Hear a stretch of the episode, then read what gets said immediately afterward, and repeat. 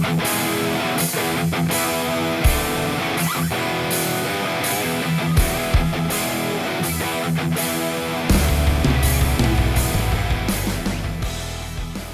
on to episode bonus yang pertama dari podcast Jiwa Muda. Di bonus episode yang pertama ini bakalan gue kasih suatu cerita dari teman gue kemarin, dari Fikri di Daily Talk episode ke-9 kemarin, yang gue bilang bakalan ada um, part kelanjutannya karena panjang banget sih kemarin gue recording sama Fikri hampir satu jam lebih. Jadi gue memutuskan buat uh, gue potong audionya buat jadi dua karena menurut gue tuh uh, satu jam lebih tuh kurang apa ya kurang pas aja kalau ditaruh di podcast gue gitu sebenarnya nggak masalah sih cuman ya karena ini preferensi gue aja gitu jadi gue memutuskan buat gue uh, split jadi dua episode dan di episode ini gue bikinin episode bonus buat uh, lo semua yang pengen dengerin um, struggle-nya Fikri, uh, perjuangannya Fikri dan apa yang dialami Fikri selama doi apa namanya uh, menjalankan bisnisnya doi sampai sekarang ini gitu. So uh, gue kira itu aja sih. Gue pengen nunjukin ke lu semua bahwa uh, mungkin perjuangan kita tuh belum ada apa-apanya gitu loh dibanding uh, perjuangan yang udah Fikri lakuin gitu. Dan di episode ini lo bakalan tahu semua um, segala apa ya struggle-nya Fikri, sacrifice-nya Fikri buat memperjuangkan uh, memperjuangkan apa yang dia kerjakan gitu biar biar mewujudkan cita-citanya gitu menjadi seorang pengusaha yang sukses dan itulah kenapa gue bikinin judul History in the Making karena ya itulah gue pengen ngasih tahu lu semua um, segala perjuangan apa sih yang udah dilakuin untuk membuat sebuah sejarah gitu. Dan gue rasa ini juga bakalan jadi legasinya Fikri, uh, warisannya dia selama dia berkarir ke depannya gitu. So, gak usah panjang-panjang lebar, langsung aja dengerin cerita dari Fikri Mabruri di bonus episode yang pertama podcast Jiwa Muda.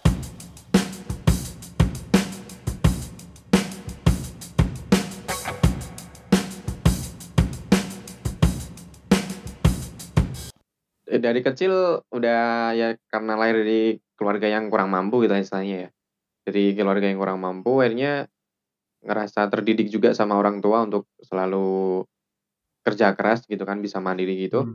Dulu pernah ngerasain di SD waktu itu pernah loper koran jadi kelas 5 SD waktu itu bener-bener pengen bisa dapat uang lah dari kerja keras sendiri gitu.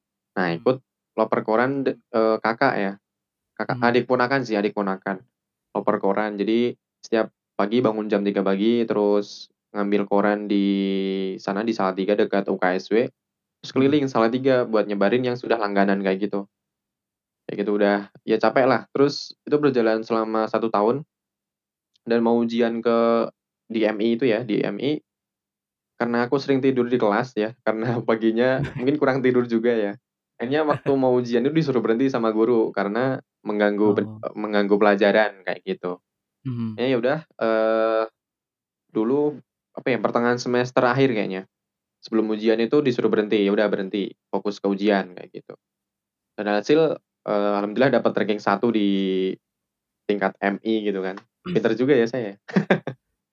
kayak gitu. Okay. Terus lulus dari situ lanjut ke SMP. Lanjut ke SMP, milih ke SMP 5 karena itu Ya SMP-nya anak tiga lah kayak gitu udah. uh, udah deket banget juga dan banyak temen yang di situ juga gitu kan. Hanya di situ, kakak pun juga di situ gitu kan. Dan ya awalnya sih masih pendiam juga sih ya dulu SMP ya. Pendiam kayak gitu karena nggak pede juga karena dulu kecil gitu kan hitam hidup sih kan gitu kan. itu terus uh, kalau pengalaman wirausaha di SMP lumayan banyak juga sih ya. Jadi dulu pernah mengambil jajanan pasar di pasar Salatiga, hmm. pasar pagi Salatiga, terus dititipin di kantin gitu. Itu di, de, nyari uangnya dari situ terus ya sama kalau anak cowok gitu ya, anak-anak kecil cowok sering main layang-layang, terus sering main kelereng gitu kan. Hmm. Kalau menang terus numpuk gitu dijual gitu. Hmm. Jadi kayak mulai belajar bisnis tuh kayak gitu, tahu jual beli kayak gitu. Itu dijual perbelikan gitu. Nah, terus SMP udah uh, lulus ya, lulus hmm. ya banyak banyak apa ya kenangan di situ ya sama lu ya, Bro ya. Yoi. Dari 8G dan sebagainya kita jadi sahabat oh. sama ya kayak terima kentir ya, gitu lah. Bego yang selalu dicuekin gitu kan. Oke, dari situ lulus ya, lulus, lulus alhamdulillah dapat ini yang mungkin berkesan juga sih dalam hidup. Apa tuh? Uh, pernah bawa orang tua maju untuk ke depan waktu itu dapat mm -hmm. nilai ujian nasional matematika itu 100 perfect. Okay. Dan di posisi peringkat lima besar di seluruh di satu sekolah gitu kan. Mantap. Suatu kebanggaan juga buat pribadi dan orang tua ya karena hmm. bisa membawa orang tua maju sebut namanya bisa maju kayak gitulah walaupun kami dari keluarga yang kurang mampu tapi kami bisa membuktikan bahwa anyone can be anything. Nah, maksud gitu. Di siapa pun bisa jadi apa pun gitu. Itu terus uh, lanjut lulus di SMP terus pengen sekolah. Jadi waktu itu langsung karena kakakku itu daftar di SMA 3 ya. Jadi di hmm. SMK 2 itu dia nggak lolos karena tingginya yang kurang. Akhirnya gak, gantian aku yang lanjutin di SMK. Oke. Okay. Nah, di SMK sendiri uh, awalnya dilarang sama bapak ibu ya karena nggak oh, ada nggak ada biaya juga sih karena gimana bro? Serius tuh dilarang seperti dilarang? Nggak dilarang sih emang kayak nggak ada apa ya? Ya udah nggak ada biaya gitu lah dulu waktu itu kan lagi mahal-mahalnya juga oh, kan iya benar tuh waktu itu pas SPI-nya uang gedungnya tinggi tuh lah iya kita nah itu dulu nggak ada uang buat daftar tapi ya nyoba-nyoba daftar aja aku sama Musa tetanggaku itu mm. nyoba daftar ternyata lolos dan aku ngambilnya kan TKJ kan mm. sejurusan sama lu mm. TKJ ya karena dulu di SMP pernah diajarin itu yang lomba komputer sama Pak Arif yeah. itu kan jadi pengen di bidang IT juga gitu Nah, waktu itu emang lagi pas nggak ada biaya banget karena emang kebutuhan udah uh, buat kakakku gitu kan, hmm. buat sekolah. Eh, tapi ya nggak tahu dari mana uangnya waktu itu, apa ya, tiba-tiba waktu pendaftaran ulang itu, ya ada aja uangnya buat, uh, bayar itu gitu dari bapak, tapi nggak tahu dari mana uangnya. Hmm. Hasil ya udah bisa sekolah alhamdulillah gitu kan. Terus ketika udah masuk alhamdulillah dapat beasiswa juga selama waktu itu tiga bulan kalau nggak salah dana bos. Hmm. Tiga bulan ngerasa ya ngerasa terbantu juga bisa sekolah gratis gitu dapat beasiswa. Jadi kayak bangga banget kayak aku berprestasi banget gitu dulu. Padahal ya nggak juga sih gitu kan. Nilai juga masih standar gitu kan. Terus waktu itu karena di SMK itu budayanya kita gundul kan ya, hmm. bros gitu kan. Terus kita ada kesemaptaan juga item jadi pasti ya di di hmm. dijemur gitu kan di lapangan. Yeah. Jadi waktu itu nggak ngerasa pede sama sekali. Bah oh. bahkan kalau mungkin sebutan sekarang itu insecure banget gitulah. Bener. Nggak pede gitu kan. Alhasil uh, yang nggak punya relasi, nggak punya banyak teman, paling teman-teman yang uh, sejurusan aja atau sekelas aja gitu yang waktu waktu hmm. itu kenal. Nah dan kalau di bisnisnya uh, mungkin waktu itu karena beasiswa bos hampir habis, jadi waktu itu langsung punya ide dia uh, kayak nangkep peluang gitu kan nangkap hmm. peluang bahwa uh, waktu itu kan kita apa ya kelas TKJ sama kantin kan jauh tuh ya. Sangka hmm, peluang biasanya kalau orang kalau siswa mau jajan itu ngabisin waktu banget karena harus lari, harus sholat juga buat istirahatnya kan. Dan kalau iya, makan nanti nggak cukup. Akhirnya waktu itu aku nyuruh uh, bukan nyuruh sih ya, minta tolong sama ibu aku buat um, buat nasi kuning sama nasi goreng yang dibungkus Mika itu sama membuat produk pencok tadi yang keripik singkong pedas manis. Mm-hmm. Nah itu uh, ibuku yang buat, terus aku yang jualin di sekolah. Gitu waktu mm itu ya di, dijual di kelas aja udah langsung laris gitu kan sama di kelas lu ya, kan. Habis ya. Nah itu alhamdulillah bisa dapat pendapatan dari situ, bisa bayar sekolah juga dari situ kayak gitu. Mantap. Itu untuk awal-awalnya kayak berani usaha gitulah. Mm-hmm. Dulu bahkan bawa plastik kresek dua kayak gitu terus di tas juga penuh dagangan yeah. semua sebenarnya agak malu sih di awal ya karena harus jalan kaki juga dulu kadang-kadang bareng Musa tadi mm -hmm. agak malu juga tapi ya ya wis lah ya karena apa ya aku juga butuh lah kepepet butuh uang buat ini ini nggak nggak apa ya nggak notice lah ke mereka yang mungkin ngomong-ngomongin aku atau mungkin meremehkan gitu ya atau merendahkan hmm. kayak gitu nggak notice yang penting bisa jualan aja bisa bisa dapat penghasilan kayak gitu gitu Walaupun juga kadang nggak habis gitu, nggak habis ya ya udah kalau nggak dimakan sendiri ya kasih aja buat orang lain, buat heeh. sedekah juga. Kayak gitu. Karena kalau nasi kuning itu biasanya umu umurnya emang cuma sehari doang. Mhm. Kayak gitu. Terus, eee, dari situ kayaknya ya karena kita udah kayak sahabat kental gitu ya, konco kental lah kalau Semarangannya ya.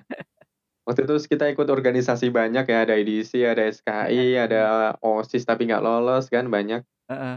Jadi aktivis juga, jadi mulai ada kayak mulai ada relasi lah, ada kepercayaan diri kepercayaan diri untuk menjalin relasi untuk ke banyak orang, kayak Mhm. gitu. Tapi dulu emang bener-bener nggak bisa ngomong di depan umum banget kan. Kalau saya pribadi loh ya, kalau lu kan beda, udah ketua Ah, enggak. SKI gitu kan, keren banget. Enggak enggak, biasa aja cuy. Gitu. Terus kalau mulai merintis Bawan Kawi itu di kelas 2. Mhm. Jadi waktu kelas 2 SMK itu mulai merintis Bawan Kawi, eee, kenapa, karena dulu di awal tahun 2015 itu, ya lagi booming-booming-nya bakwan Kawi tadi ya. Mhm. Jadi bakwan Kawi itu produk, eee, bakso Malang lah istilahnya kalau di Malang sana. Cuma ini di diinovasi di kecil-kecil gitu kayak siomay. Terus, eee, karena lagi viral-viralnya di Salatiga ya, jadi makanan murah, eee, bakso murah lah, bakso Rp5.000 dapat bakso gitu kan. Mhm. Hasil, eee, coba nemu dulu pas ada event pramuka, menginap di sekolah 2 hari 3 eh iya, eee, 3 hari 2 malam. Nah itu, aku sama Bu siapa, Bu Nur, almarhum Bu Nur ya sekarang sudah, eee, wafat. Mhm.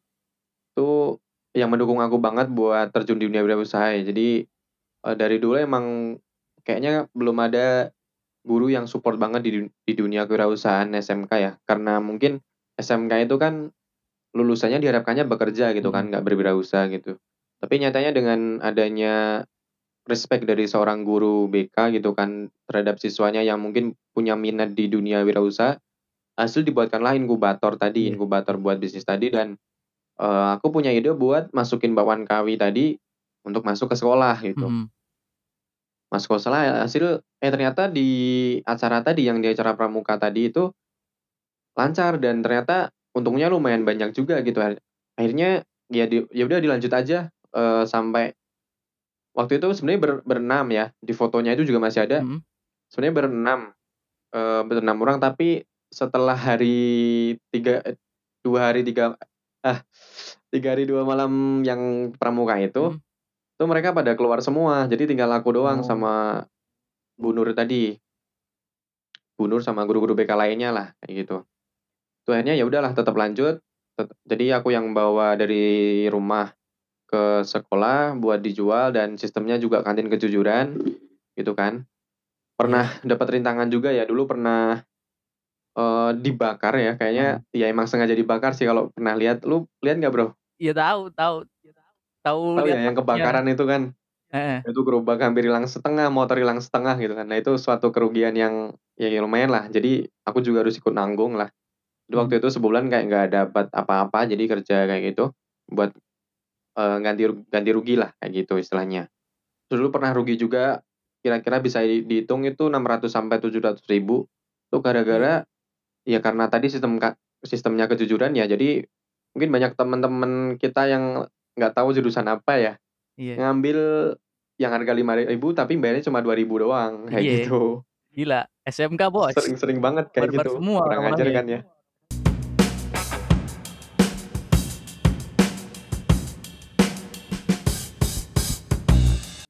Makanya pernah rugi segitu gitu dan itu ya ya udahlah buat pembelajaran. Terus akhirnya terus ada Mbak itu, Mbak siapa itu waktu itu lupa, Mbak Partini ya kalau masih ingat. Mbak Partini, nah itu buat jaga bakwan Kawinya. Nah dari situ emang awalnya malu sih untuk dulu pas pertama kali berangkat sendirian gitu kan, nggak ada yang bantuin, naik pakai seragam, terus bawa motor isinya gerobak penuh dagangan gitu kan. Mhm. Berat juga sih kalau kalau dirasain ya karena isi dandangnya itu kuah full, panas gitu kan. Jadi kalau nggak hati-hati bisa jatuh, bisa kesiram gitu. Mhm. Itu tantangan banget dan ya banyak orang yang kayak meremehkan juga sih udah ngerasa dulu pernah juga di lampu Bangjo gitu, Mhm. ada supir angkot yang bilang, "Wis le ojo ra semang sekolah wae, dodol wae kono entuk duit," kayak gitu. Jadi kayak kayak menghina orang sekolah jualan itu nggak nggak bisa sukses gitu Ah, loh. ah, ah. Tuh, jadi ya udahlah, eee, ya sebenarnya pernah ngerasa putus asa juga sih waktu itu, pernah ngerasa down juga. Oh, gitu. Kayaknya tetap bangkit aja karena itu juga buat kepentingan aku buat bisa bayar sekolah lah intinya. Bisa dapat uang dari kerja keras sendiri kayak gitu.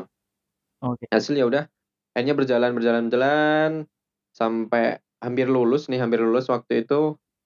Terus di Hari Pendidikan Nasional nih ada suaminya Bu Guru tercinta ya, Bu Santi gitu kan. Kita mention Bu Santi. Guru terbaik di SMK ini mah. Mhm.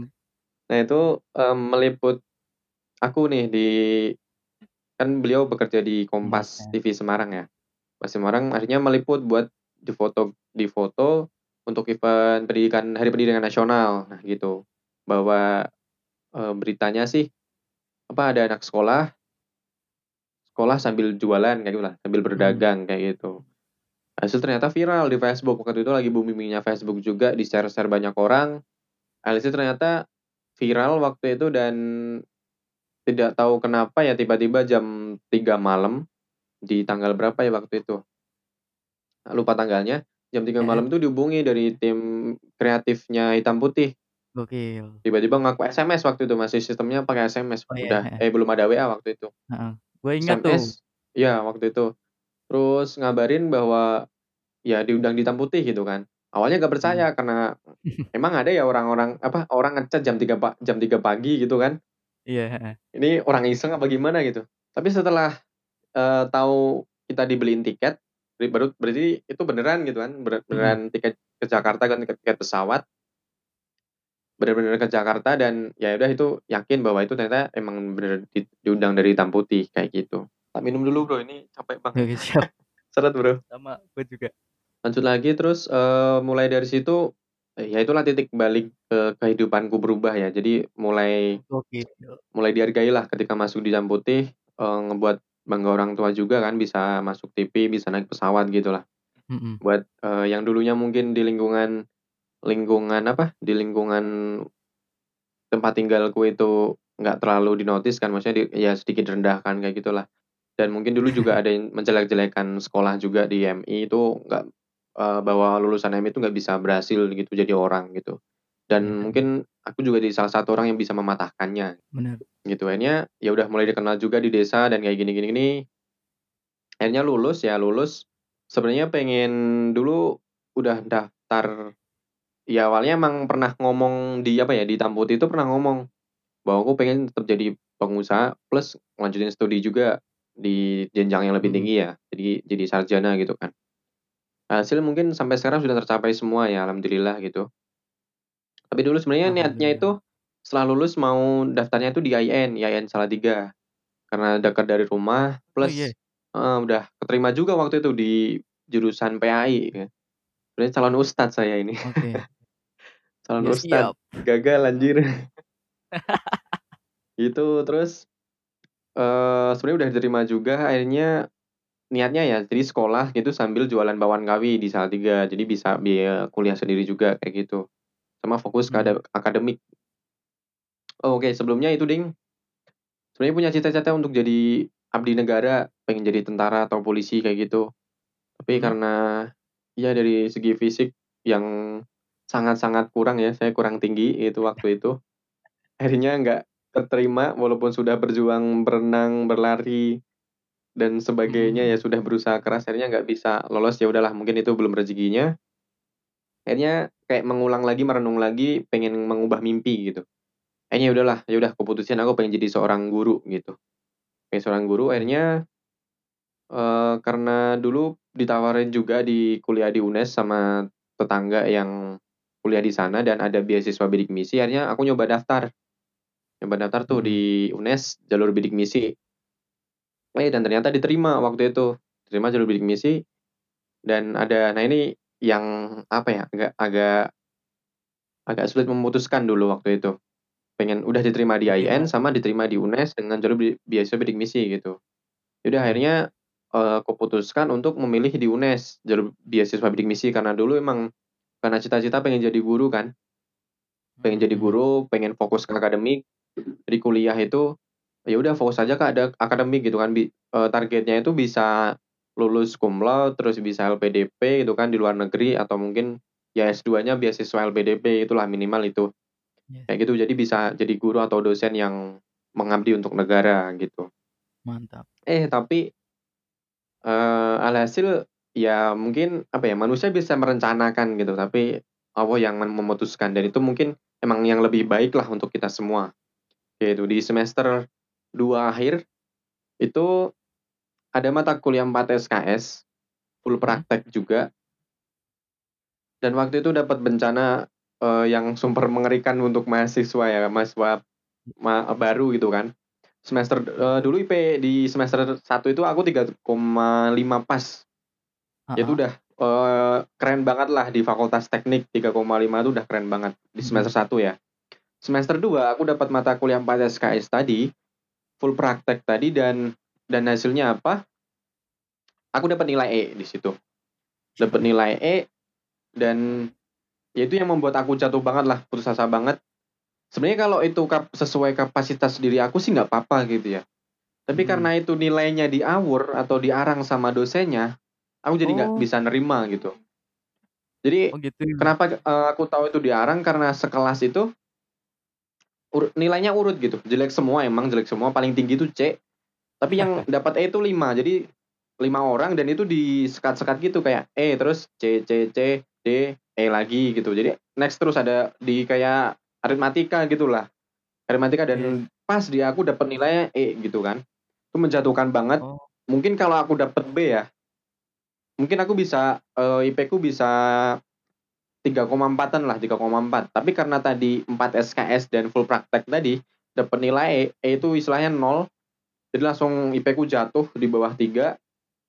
Waktu itu jadi tig 2,59 kalau nggak salah, gila hampir mepet banget sama secara di bidik misi. Nah, dan ini, eee, menghancurkan mimpi banget lah yang harusnya kalau bidik misi itu nggak boleh di bawah 3, kemudian kalau lulus harus laude biar bisa LPDP, itu udah memutus banget ya karena 4 SKS dapat Mhm. nilai itu udah nggak mungkin bisa dikembalikan lagi untuk bisa lebih baik gitu kan. Mhm. Ya udah waktu itu terus putus asa, kayak mau gimana lagi gitu kan, udah ngurus tanya dosen gini, ada udah kayak mau nangis juga waktu itu cerita ke mas kos juga. Tapi emang karena nggak bisa dirubah karena sudah di apa ya, udah divalidasi sama dosennya, ya udah dah terus terima aja. Eee, dan mulai dari situ kayak merenung lagi buat berpikir ulang, aku mau jadi apa nih ke depannya, mau jadi apa, kayak gitu. Terus waktu itu di transisi di semester 2 ke 3, aku mulai berpikir, eee, bahwa dulu aku pernah jualan ya, pernah jualan di sekolah, jualan bakwan kawi. Akhirnya karena aku juga join di HIPMI Tunes waktu itu, di semester 1, 2 itu udah join ya, di Himpunan Pengusaha Muda Indonesia karena pengen belajar juga, belajar bisnis juga. Alhasil aku memutuskan untuk jadi seorang pengusaha waktu itu. Pengen jadi seorang wirausaha aja, udah nggak fokus sama, eee, pendidikan akademik itu udah nggak mikirin ya. Serah yang penting tinggal berangkat kuliah aja udah, gitu.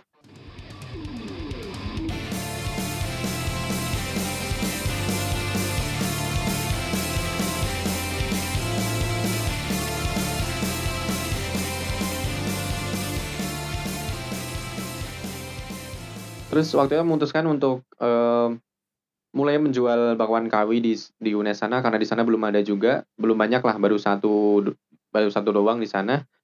Tapi dengan resiko aku harus bolak-balik dari Salatiga ke Semarang tiap hari gitu. Mhm. Karena ya aku nggak bisa produksi di Semarang karena belum ada tenaga yang buat sama tempatnya lah belum ada gitu kan. Hasilnya harus bolak-balik, eee, Semarang Salatiga Semarang tiap hari gitu. Nah itu mungkin, eee, struggle-nya aku di situ.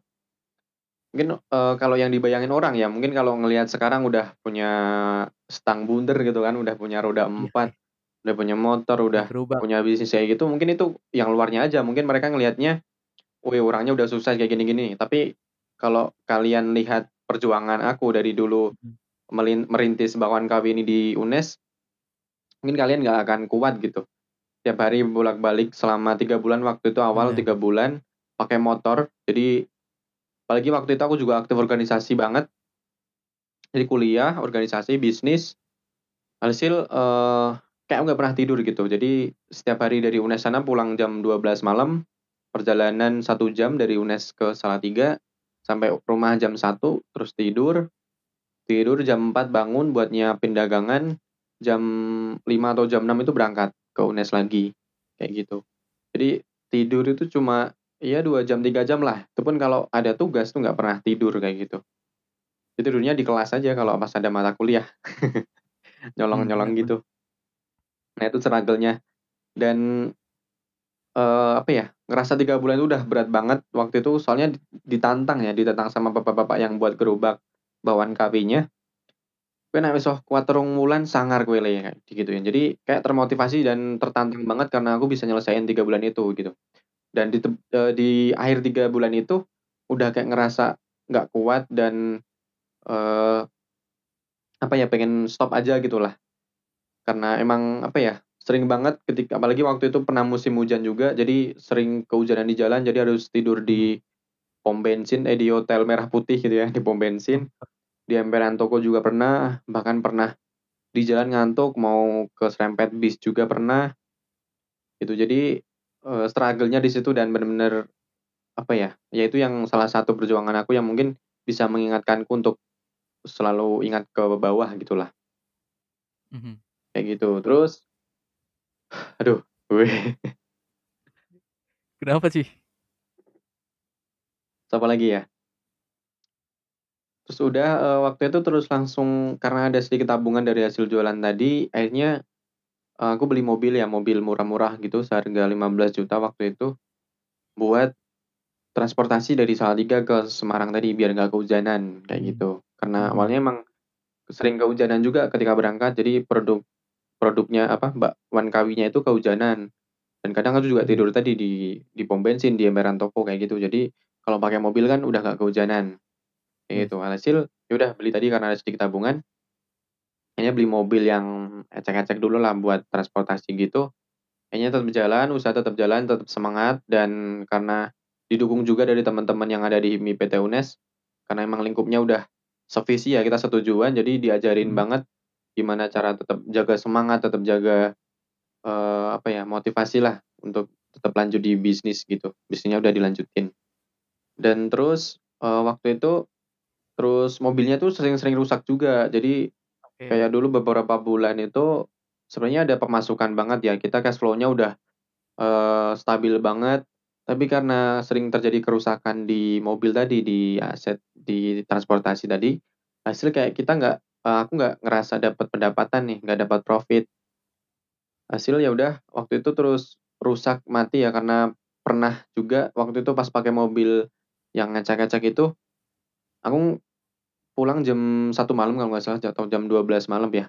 Waktu itu habis ada acara organisasi pulang jam segitu dan ngerasanya udah capek banget, ngantuk.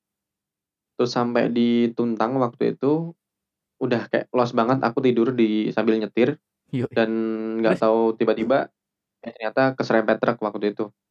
Serempet truk, alhasil mobil penyok dan ya rusak lah, istilahnya rusak, dan udah nggak ya nggak bisa dipakai lagi waktu itu.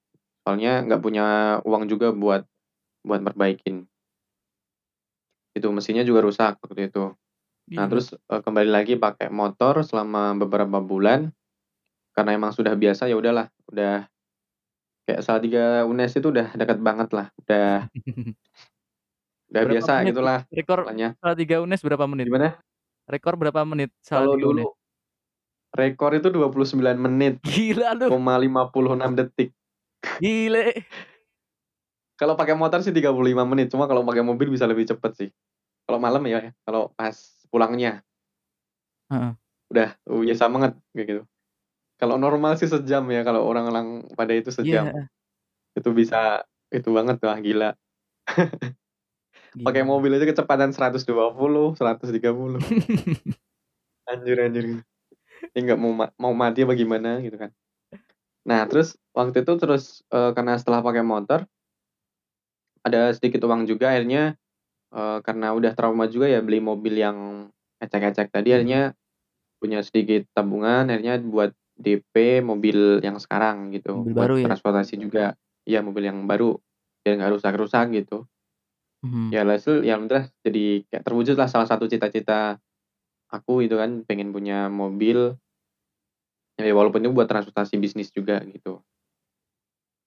Udah dari situ mungkin, apa ya, mulai dikenal juga di sana karena waktu itu di semester 3, di semester di usaha berjal di bawaan kami ber berjalan sekitar berapa bulan ya, 4 bulan kalau nggak salah itu dapat salah satu prestasi yang mungkin sedikit mem eee, membanggakan juga sih buat aku.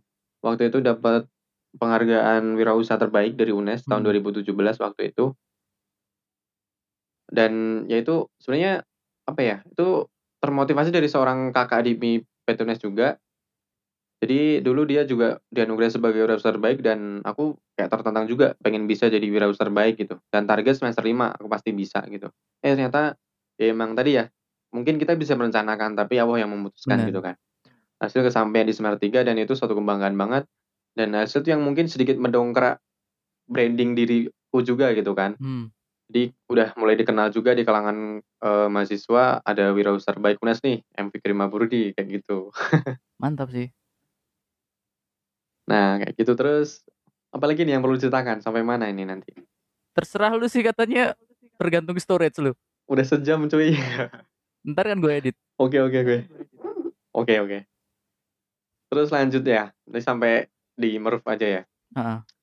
Terus, eee, setelah itu ya sebenarnya kalau di bisnis sih nggak ada kendala, nggak ada ya ada sedikit sih mungkin masalah SDM aja karena, ya aku pengen bantu mahasiswa-mahasiswa bidik misi terutama yang senasib sama aku. Pengen biasanya kan kalau orang mahasiswa bidik misi itu butuh uang tambahan buat Bener. biaya hidup gitu kan. Hasil dia nya nyari part-time, ya udah tak suruh kerja di bawaan kawiku buat part-time gitu. Nah tapi kendalanya satu, kalau mahasiswa part-time itu nggak bisa dijagain gitu kan.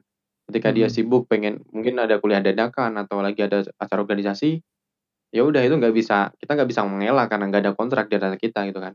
Hanya ada heeh. perjanjian ya mungkin ya nggak bisa memaksakan juga sih gitu kan. Hasil aku sering bolos kuliah hanya untuk, eee, jaga warung gitu, dulu seringnya. Kayak gitu. Jadi, Mmm. wah udah mungkin kayak mahasiswa yang kurang ajar gitu ya. Tapi emang bener sih, jadi dulu emang fokusnya itu karena tadi ya dikecewakan sama nilai tadi yang 4 SKS, jadi kayak Heeh. memprior prioritas pertama itu adalah organisasi waktu itu karena aku juga jadi salah satu ketua apa, eee, BSO keilmiahan di Fakultas Teknik. Heeh. Wih tepuk tangan dong, wih. Padahal nggak bisa apa-apa gitu kan. Jadi waktu itu jadi ketua umum juga di sana dan prioritas pertama itu dulu organisasi gitu. Karena di sana dapat keluarga baru, mulai belajar public speaking, mulai belajar apa itu keilmiahan, bisnis plan, kemudian belajar relasi juga di sana.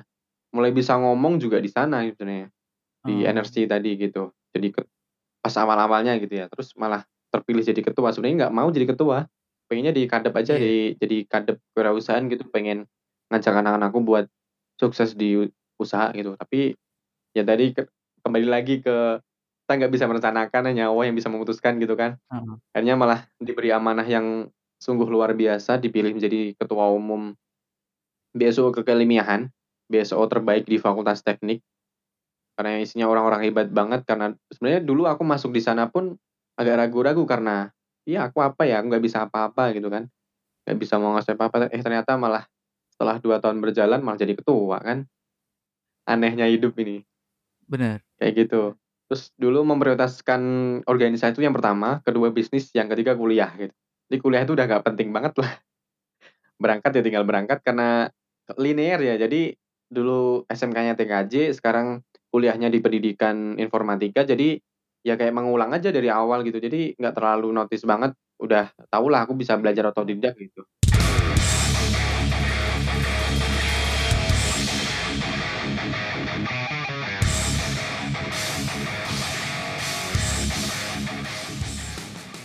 Oke ya mungkin, eee, jadi prioritas tadi ya, masalah prioritas. Jadi kalau dulu kuliah udah nggak terlalu notice banget, udah nggak ada prioritas gitu. Tapi tetap ada, pengen Mhm. tetap jadi cita-cita pengen jadi guru, jadi tetap mengabdi aja. Jadi kayak, apa ya, pengen dapat uang dari bisnis, pengen dapat pahala dari guru, kayak gitu. Itu udah kayak Mhm. cita-cita gitulah. Sama gue, gue kayak terinspirasi dari motivasi lu Bro, yang pengen jadi orang kaya yang mengkayakan orang lain gitu. Yoi yoi yoi. Keren nah, euy. Bisa gitu juga ya? Bisa Iya dong. termotivasi dari gua juga ya? Iya dong, waduh keren banget lu. Ah, Apalagi tai tai. apalagi soal cinta kan. As Aduh. Terus gimana tuh lanjut ya? Oke, lanjut lagi ya. Terus waktu terus, eee, setelah itu ya mulai belajar public speaking tadi ya, udah mulai merasa percaya diri juga, mulai kenal banyak orang, mulai dikenal juga, ngisi diseminasi ini itu, bisa sharing-sharing juga cerita dari awal dulu, ya kayak ginilah, bisa sharing-sharing kayak gini, bisa berbagi cerita juga, dan, Hmm. ngerasa bangga ketika ada orang yang termotivasi dengan cerita cerita aku. Dan dia nunjukin nih, "Mas aku bisa nih kayak gini gini nih." Dan itu, eee, bahagianya luar biasa, bahwa aku bisa menularkan hal-hal yang baik dan aku bisa bermanfaat untuk orang lain, kayak gitu. Ya istilahnya jangan kalau kita jadi udah punya mindset seorang wirausaha ya, udah punya jiwa jiwa wirausaha gitu, jangan pernah berpuas diri gitu kan. Eee, tetap berjuang aja, Hmm. kita tetap kerja keras, kerja cerdas, kerja ikhlas juga. Eee, ya jangan, apa ya, jangan bangga juga terhadap pencapaian kita gitu kan. Jangan terlalu bangga banget, tapi Iya. ya tetap bersyukur juga, gitu. Jadi tetap berbagi aja dan mungkin, apa ya, eee, kita hidup, eee, wirausaha itu nggak melulu soal uang ya. Jadi kita jadi wirausaha juga tujuannya baik, jadi pengen tadi ya yang, eee, Bro Nanda bilang, bahwa kita bisa jadi orang kaya yang mengkayakan orang lain gitu kan. Jadi kita bisa bermanfaat juga untuk yang lainnya, kita bisa memberi ke juga. Jadi nggak melulu kaya itu bisa bahagia gitu, kita se sederhana kayak gini pun kita bisa bahagia banget, ketika kita bisa berbagi untuk orang lain, kayak gitu, Bro. Itu tadi ya Fikri Muhammad Fikri Mabruri dengan segala cerita yang cukup menginspirasi ya bagi gua. Sebenarnya gini cuy, gua tuh udah tahu cerita itu, tapi gua pengen tahu lo tuh gua punya teman sekeren ini gitu loh. Gua pengen taunya itu doang, gue pengen ngasih tahu lo gua punya temen keren kayak gini. Hai, kurang ajar. Pengen pamer aja nih sebenarnya gua, gitu. Nah Fik, Ih, jangan dipuji eee, cuy. kayaknya pertanyaan terakhir deh ya. Oke oke. Ini katanya udah mau nikah nih Fik. Ah, kurang ajar. Ah, sampai situ juga pada akhirnya ya. Gimana Jadi gimana? Nih rumor yang gua denger nih bener atau salah? Ini rumor dari mana dulu ini? Rumor dari mana? Dari rumor yang bisa gua percaya Dari si sih A, si. B, si C ya. Banyak versi kan. Ya. Oke, kalau soal masa depan ya, menikah atau enggak, eee, dalam waktu dekat ngerasa enggak sih, Oh. karena ya kalau mungkin calon udah ada ya, Yoi. mungkin ya gimana ya jelasinnya. Ya calon udah ada, Calon udah cuma ada ya? karena kita udah ya punya komitmen masing-masing pengen bahagiain kedua orang tua dulu, pengen ngejar karir dululah. Mhm. Yang sama sambil nyiapin dirilah, kayak gitu. Hasil ya mungkin diundur lah, mungkin 3 tahun, 4 tahun lagi gitu. Oke. Nunggu Bro Nanda duluan Alah mungkin ya. enggak. Nanti tak ajak mungkin pas itu. Gini men, Kayak gitu sih, Bro. gue ini kan temen lu ya, temen lama lu nih. Oke oke. Kenape Aduh. kenapa gue gak tahu lu punya calon sekarang? Udah tahu kan udah pernah cerita, Bro. Dulu Masih yang itu ya? waktu lebaran kan di rumah Eh, lu. masih yang itu ya? Masih dong, gue setia, Bro. Lu aja setia kan, nomor aja gak ganti-ganti. Berarti kira-kira 3, 4 tahun lagi ya Fik, lu bakal nikah ya? Iya 3 sampai 4 tahun lagi lah, sampai ya punya sedikit modal lah buat ngidupin keluarga Oke, kecil gue nanti gitu kan. Gue gak mau tahu, pokoknya gue kudu jadi panitia ntar Fik. Lu dulu, Bro, lu dulu Enggak yang nikah. Gue masih agak Lu dulu, mandiri. nanti cateringnya pakai bawaan kami gue. Tetap jualan ya, tetap jualan ya? Iya dong. Entar prasmanan gitu. Gokil gokil gokil. Sponsor by M Fikri gitu Ah, iya. kan. Heeh. Boleh sih itu, ntar dibicarain di belakang. Oke oke. Eh. Wih, asik asik. Berarti ber- beneran lu dulu ya? Enggak lah, Masih sama yang dulu, Bareng masih sama yang dulu atau gimana ini? enggak kita udah gue gak tahu David gak usah gak usah bahas gue dah. Waduh. Gantian dong masuk ke pod- podcastku juga dong. Ya ntar ntar. Kayaknya podcast gue juga ada bakalan ada part 2-nya dari lu kok Fik santai aja. Oke, tentang cinta-cinta juga ya. Boleh sih, boleh sih. Kita bicara tentang nostalgia sih sebenarnya Fik. Oh ya karena Oh ya, gini gue sebenarnya punya project buat gini Fik. Ada project audio yang isinya ntar tentang audio kita bertiga. Tiga sahabat Trimas Ketir itu. Oke, Gitu. bisa bisa. Ya tinggal dijadwalin aja sih kalau lu nggak sibuk ya. Secara lu sibuk Kalau banget sekarang kan? Nggak sibuk, Bro, mencoba produktif, beda ya. Sibuk sama Iya, produktif beda, bener. Bro. Sibuk Bener, nggak itu itu menghasilkan gitu. Iya, bener bener. Betul. Produktif itu pasti menghasilkan gitu ya. Betul betul. Produktif, jangan sibuk makanya. Heeh, gue kira itu dulu ya, Fik, ya. Oke, thank you thank you ya. Thank you udah mau join di sini. Oke, sama-sama. Mmm, entar kalau gua ada sesuatu bisa kontak lu ya, maksudnya kalau ada yang pengen gua potong atau yang pengen gua tambah. Boleh boleh boleh. Nanti hubungi manajer gua aja. Oke. Oke, siap siap. Siap, Bos. Aduh aduh aduh. Oke, gua kira itu dulu ya. Oke. Terima kasih sekali lagi buat meluangkan waktunya di Siap, sini. sama-sama. Ini jadi episode podcast yang paling daging men menurut gua ya. Lo kalau pengen denger itu semua tadi yang diomongin sama Fikri, lu kudu bayar biasanya kan. Nah, ini lo dapat gratis di tempat gua gitu. So, itu aja. Itu aja yang dapat gue sampein. Mohon maaf apabila ada kekurangannya. Gue yakin ini kekurangannya banyak karena tadi beberapa sempat masalah teknis sih kejadian. Jadi ya tolong dimaklumi dulu. Dan mohon maaf apabila ada kesalahan kata yang gak berkenan di hati lo semua dan gue Nanda Muklis Sananto dan juga Muhammad Fikri Maburi pamit dari pendengaran lo. We are signing out.